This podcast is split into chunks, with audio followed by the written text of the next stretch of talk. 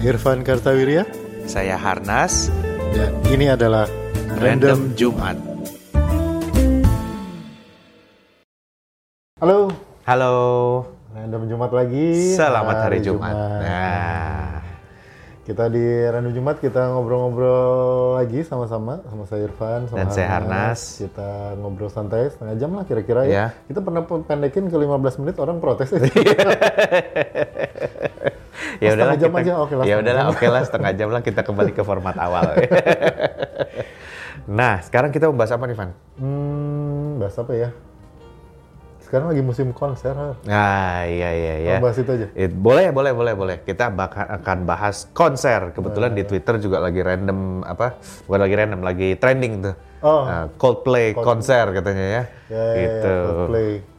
Coldplay itu padahal masih lama ya konsernya. Iya masih lama, masih lama. November, ya. Tapi ya orang udah mulai heboh kan kemarin Hmm, tiketnya udah segala macem. jual-jual tiket dari bulan kemarin. Iya, tapi teman-teman kalau mau tahu ya, konser ini menjadi salah satu yang menyandung karir komedinya Pak Irfan nih. Hmm, Kalau nonton Suci yang dulu Hmm. lima tahun apa beberapa tahun yang lalu itu 2016 ya, eh, dia bagus, bagus, bagus. Begitu tentang konser dangdut kalah dia sama Pak Gamaliel, yang, Gamaliel, yang polisi ya gitu. Gamaliel. Itu kelihatan itu dia benar-benar pengalaman Iya. pribadi. Sebenarnya Kang Ivan rada jarang nonton konser. Di situ mulai Kelihatan. terjungkal karirnya ya Pak Gamaliel. Masih stand up nggak Pak Gamaliel? masih, Masih ya? Pak Halo, salam Mbak. Wah, itu Oh, waktu dia ngefans loh Pak Gamal. Iya, waktu dia apa ng- ng- ngawal konser dangdut gitu dengan kelakuan orang-orangnya, bapak-bapak yang ngerokok di depan yang nggak jelas jobnya gitu ya. itu oh, ada itu yang membuat Pak Irfan waktu itu keringetan gitu. Gua keringetan gue. Gue lama itu nulis materi sampai gue nulis apa. Karena konser dangdut jarang Gua nonton. Lu iya. pernah nonton, nonton konser nggak atau Kalau nonton konser gue pernah beberapa kali. Cuman kalau dangdut justru malah belum pernah. dangdut gue belum pernah nonton. Tapi kalau kalau yang eh, metal gue pernah beberapa Oh. kali nonton konser metal gitu. Jadi dulu zaman juga zaman di Bandung kan gue di radio metal itu gitu. Jadi kalau suka ada perform-perform kecil maupun besar yang underground metal gitu gue nonton gitu. Terus eh Iwan Fals gue pernah nonton. Oh, oke. Terus Padi, terus apa lagi ya band-band Nesa lah gitu ya yang yang ini eh Glenn Fredly gue pernah. Oh. Jadi tapi udah lama juga enggak sih. Dia udah udah cukup. ya Zaman paling bujangan itu mah ya. Paling kan dua tahun pandemi kan enggak gitu. Iya. Terus, terus belum sebelumnya enggak juga. Jadi ya ya ya ya nonton dangdut malah belum pernah gue. Belakang, benar belum pernah ya. Ada Langsung satu ya, ada satu pengalaman ini sebetulnya bukan konser sih. Jadi gua itu waktu eh, di Solo itu namanya Maul- Mauludan ya. Ma- Maulud itu ada upacara apa gitu pas Mauludan itu. Kita nggak tahu itu ada Mauludan. Basically kita cuma lewat ke keraton gerebek- gerebek. ah, gerebek ya, gerebek gerebek apa gitu. Gerebek Mauludnya. Nah, terus udah gitu eh, di kita lagi jalan-jalan di Solo, terus di eh, Masjid Agung Solo itu rame banget. Hmm. Terus kita pikir ada berhenti yuk, lihat yuk. Eh, kita turun tuh berhenti lihat. Ternyata pesta rakyat Hmm. yang namanya eh, gerebek Maulud ul- itu banyak orang jual do- eh, jenang, Hmm. jenang, jenang, jenang gitu. Terus satu lagi banyak orang jual eh, mainan dari gerabah, celengan gerabah, Oh, iya. celengan tanah liat. Ternyata memang ciri khasnya teh pasar itu tuh ada ada dua barang itu waktu gerebek mulut itu. Tapi yang gua heran ada satu jadi kita makan kan di pelataran pelataran Masjid Agung ya. Nah, itu juga unik tuh artinya yang boleh masuk ke dalam pelataran Masjid Agung untuk berjualan adalah satu cabuk rambak, dua nasi liwet, tiga jadi khusus makanan tradisional. Yang non tradisional yang mau jual seblak dan kawan di luar gitu. Jadi otomatis kita mak- makan di situ. Nah, ada satu tempat yang ada atapnya tapi di kerangkeng gitu ya. Terus ada gamelan yang lagi main. Ya. Dan itu gamelan dari tempat parkir, kita parkir tuh mungkin sekitar ya, 40 meter lah dari situ ya. Itu kedengeran kenceng. Gue pikir pakai pengeras suara, Van. Ternyata enggak loh. Jadi memang mereka main gamelan di situ dan orang yang nonton tuh rebutan, ngerubung di situ. Sampai anak gue mau nonton, gue gua panggul di bahu gitu biar dia bisa ngelihat dari atas. Kita nggak tahu itu apa. Menurut gue sih orang main gamelan biasa. Ternyata gamelan itu mungkin bisa di Google lah ya. Setelah acara gue Google, itu memang hanya muncul setiap itu. Oh, Eh, setiap gerbek itu. Jadi perangkat gamelan yang memang keramat gitu ya, dan hanya dimainkan se- selama gerbek itu eh, selama pandemi nggak pernah dimainkan itu pertama kalinya dia main lagi sesudah Hmm. pandemi dan rak- orang itu berbondong-bondong nonton ngangkat anaknya itu tuh gue terharu eh Hmm. karena eh, pemainnya mah biasa aja gitu ya yang nonton kita nggak ada yang kenal gitu gue juga Iya. apa spesialnya ya ini tapi memang suaranya itu gue nangkep gitu loh Iya, ini iya, ini iya. beda ini suaranya gitu loh gue pikir pakai pengeras suara Van bener ternyata enggak loh gitu ya jadi itulah nonton konser tradisional ini. Ya kalau konser konser tradisional pertunjukan lah ya pada umumnya ya pertunjukan tradisional. Gue yang golek pernah nonton langsung full gitu ya terus eh, nari-nari itu ya kayak sendera tari gitu ya. oh oke Gue pernah nonton nonton langsung gitu ya. Terus kalau apa lagi ya di luar itu kalau musik-musik yang orkestra gitu klasik-klasik gitu gue mau belum pernah. belum pernah. Oh, gue sering Lalu- karena gue eh, lama tinggal di Austria. Eh, jadi waktu ke Indonesia eh, karena nggak begitu banyak orang yang bisa nulis tentang musik klasik sebenarnya modalnya cuma baca buku aja teman-teman. Karya ini ada ada ada primbonnya gitu. Sekarang gue udah wariskan primbonnya ke ke anaknya teman gue yang belajar piano gitu. Nih lu baca lah gitu ya. Karena gue udah berhenti nulis eh, tentang musik klasik gitu tapi gue memang seneng kalau musik klasik itu fun waktu di Austria gue sering nonton dan eh, setiap kali ke Austria gue sempetin untuk nonton terakhir gue nonton opera Terakhir itu nonton opera namanya Ru- Rusalka. Jadi eh, itu mah cerita bulan sebenarnya mirip- mirip-mirip apa ya? Cerita yang pokoknya berhubungan dengan bulan lah gitu, tapi ini versi Slovakia atau atau Slovenia. Namanya Rusalka itu. Dan eh, yang di kan gue banyak hubungan sama Vienna, Austria ya. Itu kan memang pusatnya pertunjukan Iya, konser itu. Mereka tuh banyak concert hall atau pertunju apa eh, per- tempat pertunjukan. Jadi weekend ini lu mau nonton apa? Eh, ada opera, ada musik klasik, ada apa namanya eh, komedi misalnya, terus ada musik Jerman yang pakai apa, trompet gitu-gitu ya, Fox musik istilahnya gitu. Mau apa gitu? Dan gue waktu ke sana tuh di bulan eh, Agustus apa September gitu ya, orang-orang abis selesai summer holiday.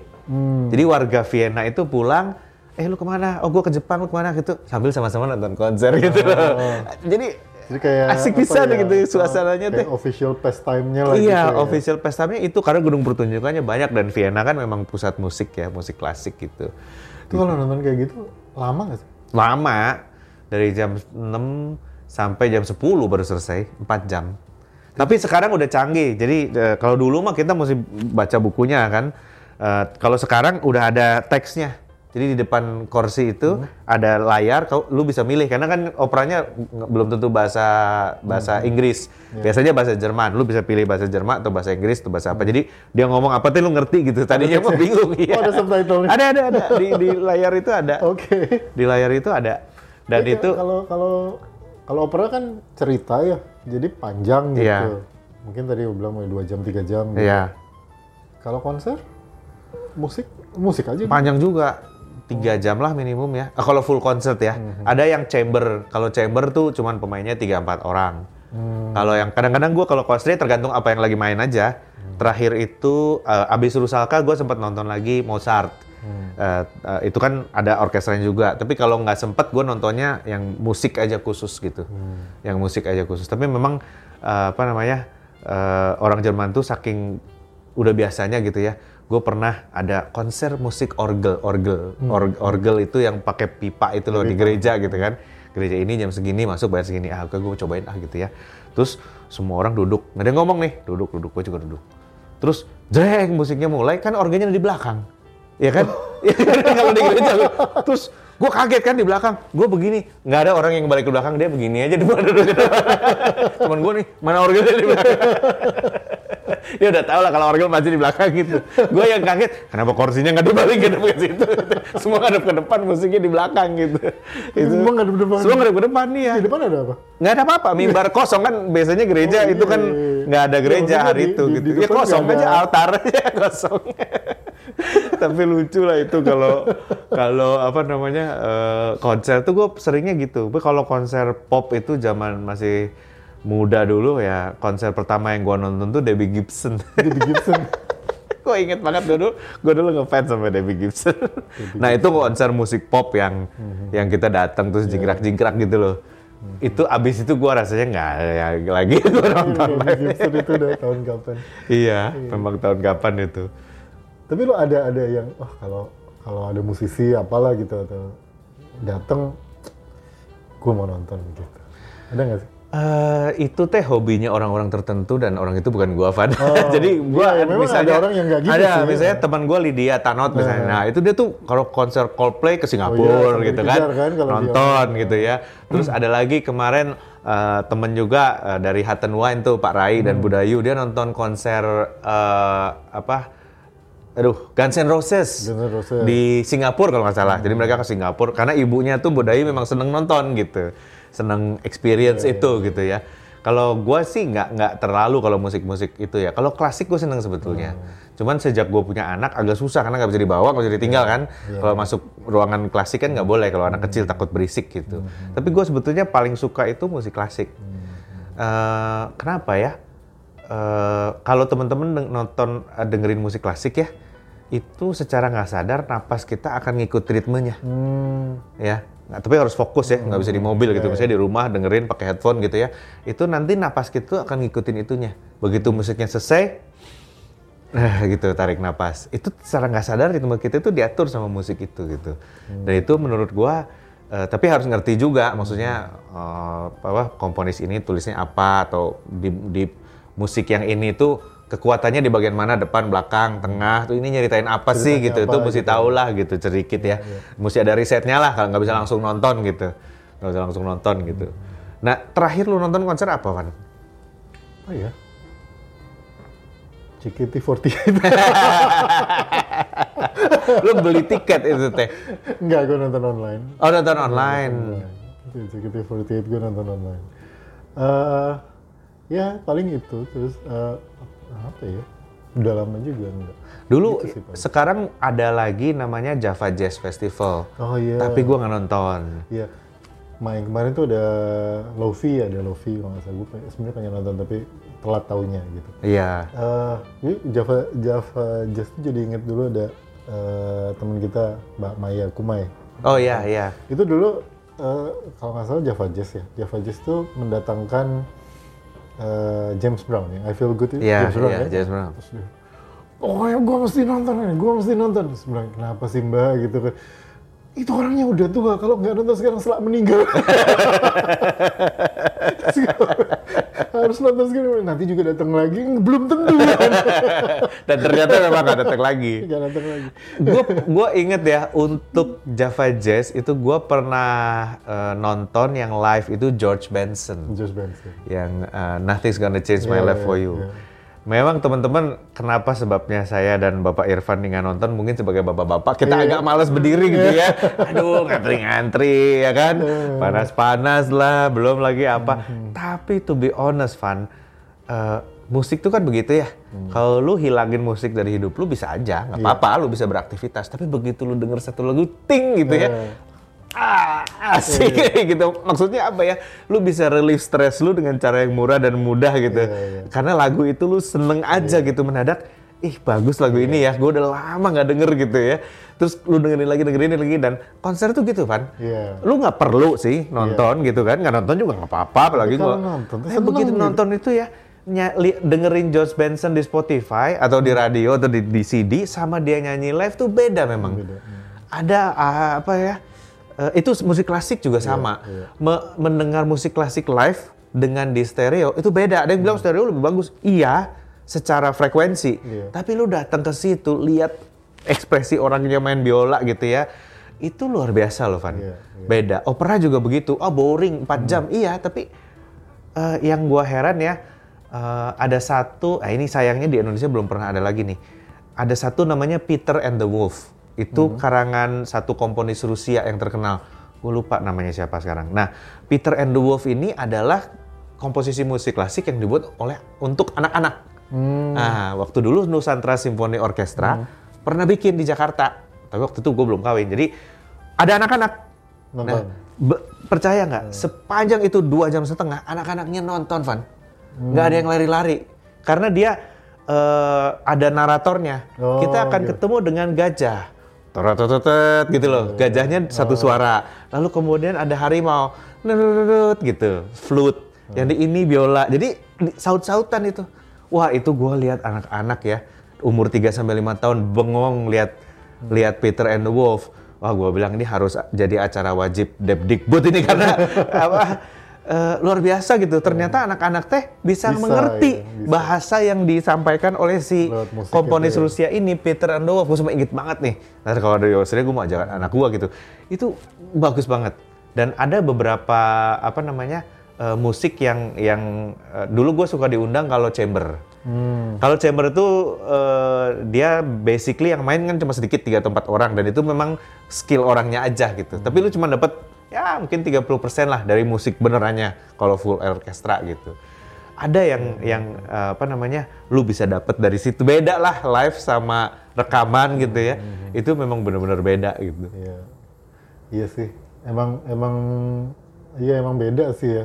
Apa karena bukan cuman musiknya tapi ambience-nya terus suasana ruangan itu Iya. ngaruh gitu. Ya itu eh, ekspresi orang yang maininnya ya. Iya. Nah, itu teman-teman kalau di Bali itu namanya taksu. Taksu itu apa ya? Jiwa gitu loh. Jiwa. Kalau lu bikin patung gitu ya. eh, taksu itu apa sih Pak? Roh apa, apa bukan? Katanya Pak, katanya kalau Bapak bikin patung kan Bapak mikir nih. Hmm. Wah, saya harus bikinnya seperti ini. Siang malam Bapak nggak bisa tidur mikirin patung itu. Nah, itu namanya taksu. Lu ngisi energi iya. sama patung itu gitu. Sehingga waktu jadi taksunya keluar artinya eh, Kerasa gitu kerasa gitu bahwa oh ini dibuat dengan Kayak- serius nih kalau lu bikin patung seribu piece per jam gitu taksunya nggak ada walaupun patungnya jadi pak dia bilang karena dia nggak ada energi yang ngalir ke situ gitu Sama kayak gamelan yang lu denger tadi di Iya betul, ya. sama gamelan yang didengar itu cuman keluar setahun sekali gitu ya, dan udah tiga tahun nggak keluar. Mungkin kita nggak ngerti itu apa waktu Mungkin yang nonton. mau maininnya juga udah dari dua minggu nggak bisa tidur ya. Betul, taksunya itu betul-betul ke, ke- powernya itu betul-betul kerasa gitu. Itu yang yang gue lihat ya, gue percaya kalau orang nonton Guns N' Roses juga kalau yang nyanyi Axl Rose gitu ya. Iya. Pasti Terus yang main gitar namanya Slash gitu ya dengan topinya, dengan ininya ya. Karena lagu mah bisa dibawain siapa aja gitu. Betul, Makanya kan betul. ada band-band yang spesialis cover ya, Iya. cover gitu. Tapi udah beda gitu. beda betul yang aslinya tuh ya memang beda gitu dan eh, gua apa namanya ya eh, jadi inget kalau ke Amerika kalau ke Amerika ke Los Angeles Santa Monica Boulevard itu kan oke. tempat-tempat yang menginspirasi si Sheryl Crow bikin lagu gitu ya Eh, sore di Santa Monica Boulevard gitu jadi lu kalau ke tempat itu sore-sore Iya, eh keren itu, maksudnya cocok sama lagu itu gitu ya. Axl Rose itu tinggalnya di Lele juga, Ah, de- iya. deket situ namanya. Terus ada satu area Los Angeles yang namanya Skid Row. Nah, Skid Row, karena iya. orangnya ya tinggal di Iya, di situ Skid Row. dulunya gitu, namanya Skid Row gitu ya. Nah, kalau lu ke Los Angeles itu bisa dapat vibes itu. Oh, Eric Clapton teh waktu Iya. menyiarang musik teh lagi duduk di Santa Monica Boulevard gitu Iya. kan. Jadi oh ini tempatnya gitu. Itu itu salah satu iya, apa menyenangkan juga tuh nyari-nyari lagu itu gitu. Termasuk kalau Anda sekolah di Jakarta, Niki baru nulis lagu tentang High School in Jakarta. High School in Jakarta. Terus dia baru eh, konser juga kan, Tiny Desk Concert di NPR tuh gue lihat. Eh ada penyanyi Indonesia gue sih, oh ternyata Niki yang nyanyi High School High School itu gitu. Dan menurut gue si Niki ini menarik eh, every time ya, eh, eh, summer every summer time judulnya. Jadi eh, dia tuh menulis tentang pengalaman orang Indonesia yang tinggal di Amerika, tapi generasi yang berbeda. Yang sekolah di Amerika gitu loh, kayak buat kita dulu nggak kesampaian, tapi buat anak sekarang sekarang udah Iya. udah umum lah dia pengalaman dia pertama kali datang ke Amerika mulai kuliah gini gini gini gitu ya. Itu di itu sekarang jadi ngetren Van. Iya, iya. jadi ngetren. Udah beda. Jadi bu- Indonesia yang berbeda bukan yang dulu yang kita tahu lagi karena udah berkembang dari anak-anak muda ini gitu. Menarik gitu Konser eh, sekarang tuh lagi lagi lagi musim ini har. Konser band band atau musisi yang terkenalnya di tahun 90-an. hmm. Karena mungkin pasarnya lagi bagus ke situ. Kan iya musik tahun 90-an tuh kan yang dengerin kita iya betul dan yang lagi punya duit. iya betul yang lagi punya duit ada di generasi kita Iya, kan. betul. Lu jualin tiket 750 ribu sejuta Ya, setengah 4 juta juga gitu ya. dibayar gitu Belilah, kan. iya. Gitu. Jadi lagi banyak nih eh, konser-konser yang di 90s lah gitu band- band-band atau musisi-musisi 90-an gitu. Cuma ada cerita kemarin hmm, kalau nggak salah Dewa ya Dewa juga baru konser hmm, betul temen gua kuliah dia cerita. Dia mau nonton itu terus dia mau memperkenalkan ke anaknya. Terus dia di- diajakin kan ayo kak nonton. Temenin ayah nonton konser Dewa. Terus anaknya anaknya SMA oh itu lagu yang tembang kenangan tembang kenangan itu ya? Bukan.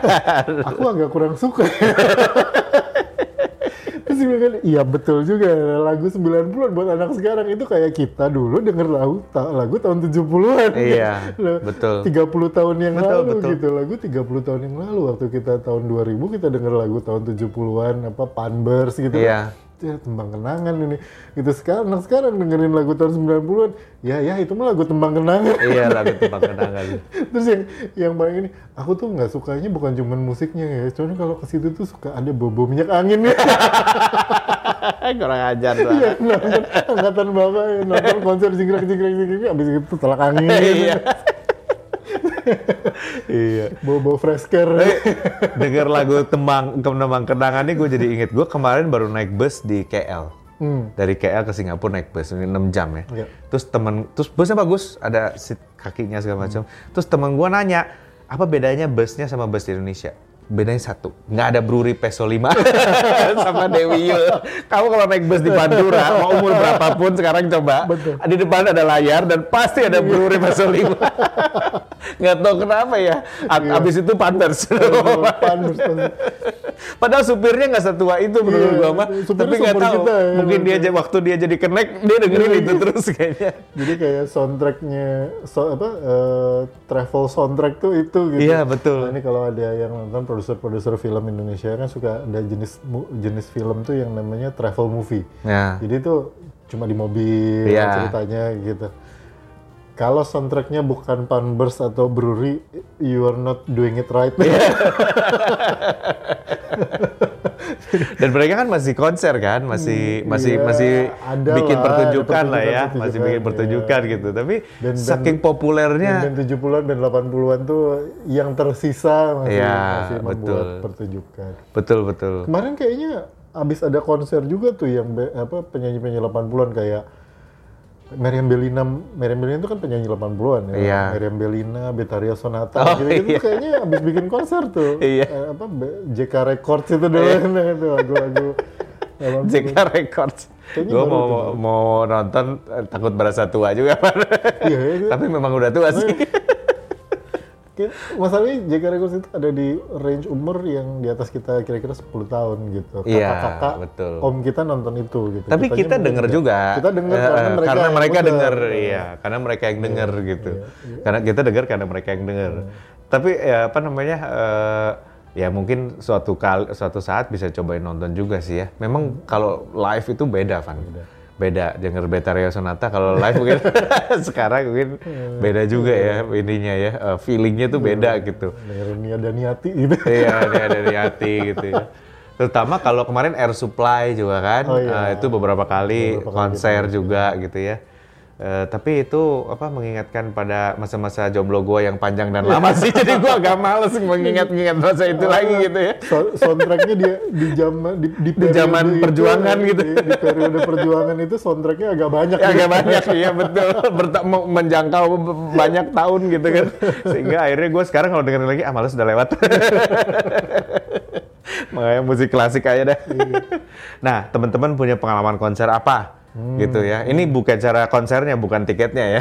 Nanti tiketnya ini berikutnya. Ini bicara konsernya dulu. Pernah nonton, seru banget ke Singapura atau ke negara lain gitu ya. Mendingan di untuk Indonesia nonton. mendingan wah Coldplay di sini mahal susah jadi kita mendingan ke Singapura. Ya. Dan bisa bandingin nggak kalau konser di Indonesia sama di Iya, mungkin lebih murah atau lebih, nyaman atau gimana? Silakan komen dan eh, jangan lupa like and subscribe dan eh, nyalakan notifikasi biar kalau ada video baru dapat infonya. Kalau Kalau di notifikasi juga ke saya, kalau ada yang punya tiket pertunjukan eh, konser dangdut, terutama Happy Asmara, tolong kasih tahu. ya. Pengen nonton. nanti dikirimin beneran. Ajak-ajak lah gitu. Ajak-ajak ya. Dan eh, kalau misalnya ada usulan tema, Hmm, bahas ini dong, bahas ini dong. Boleh silakan masukin di komen nanti kita bahas ya.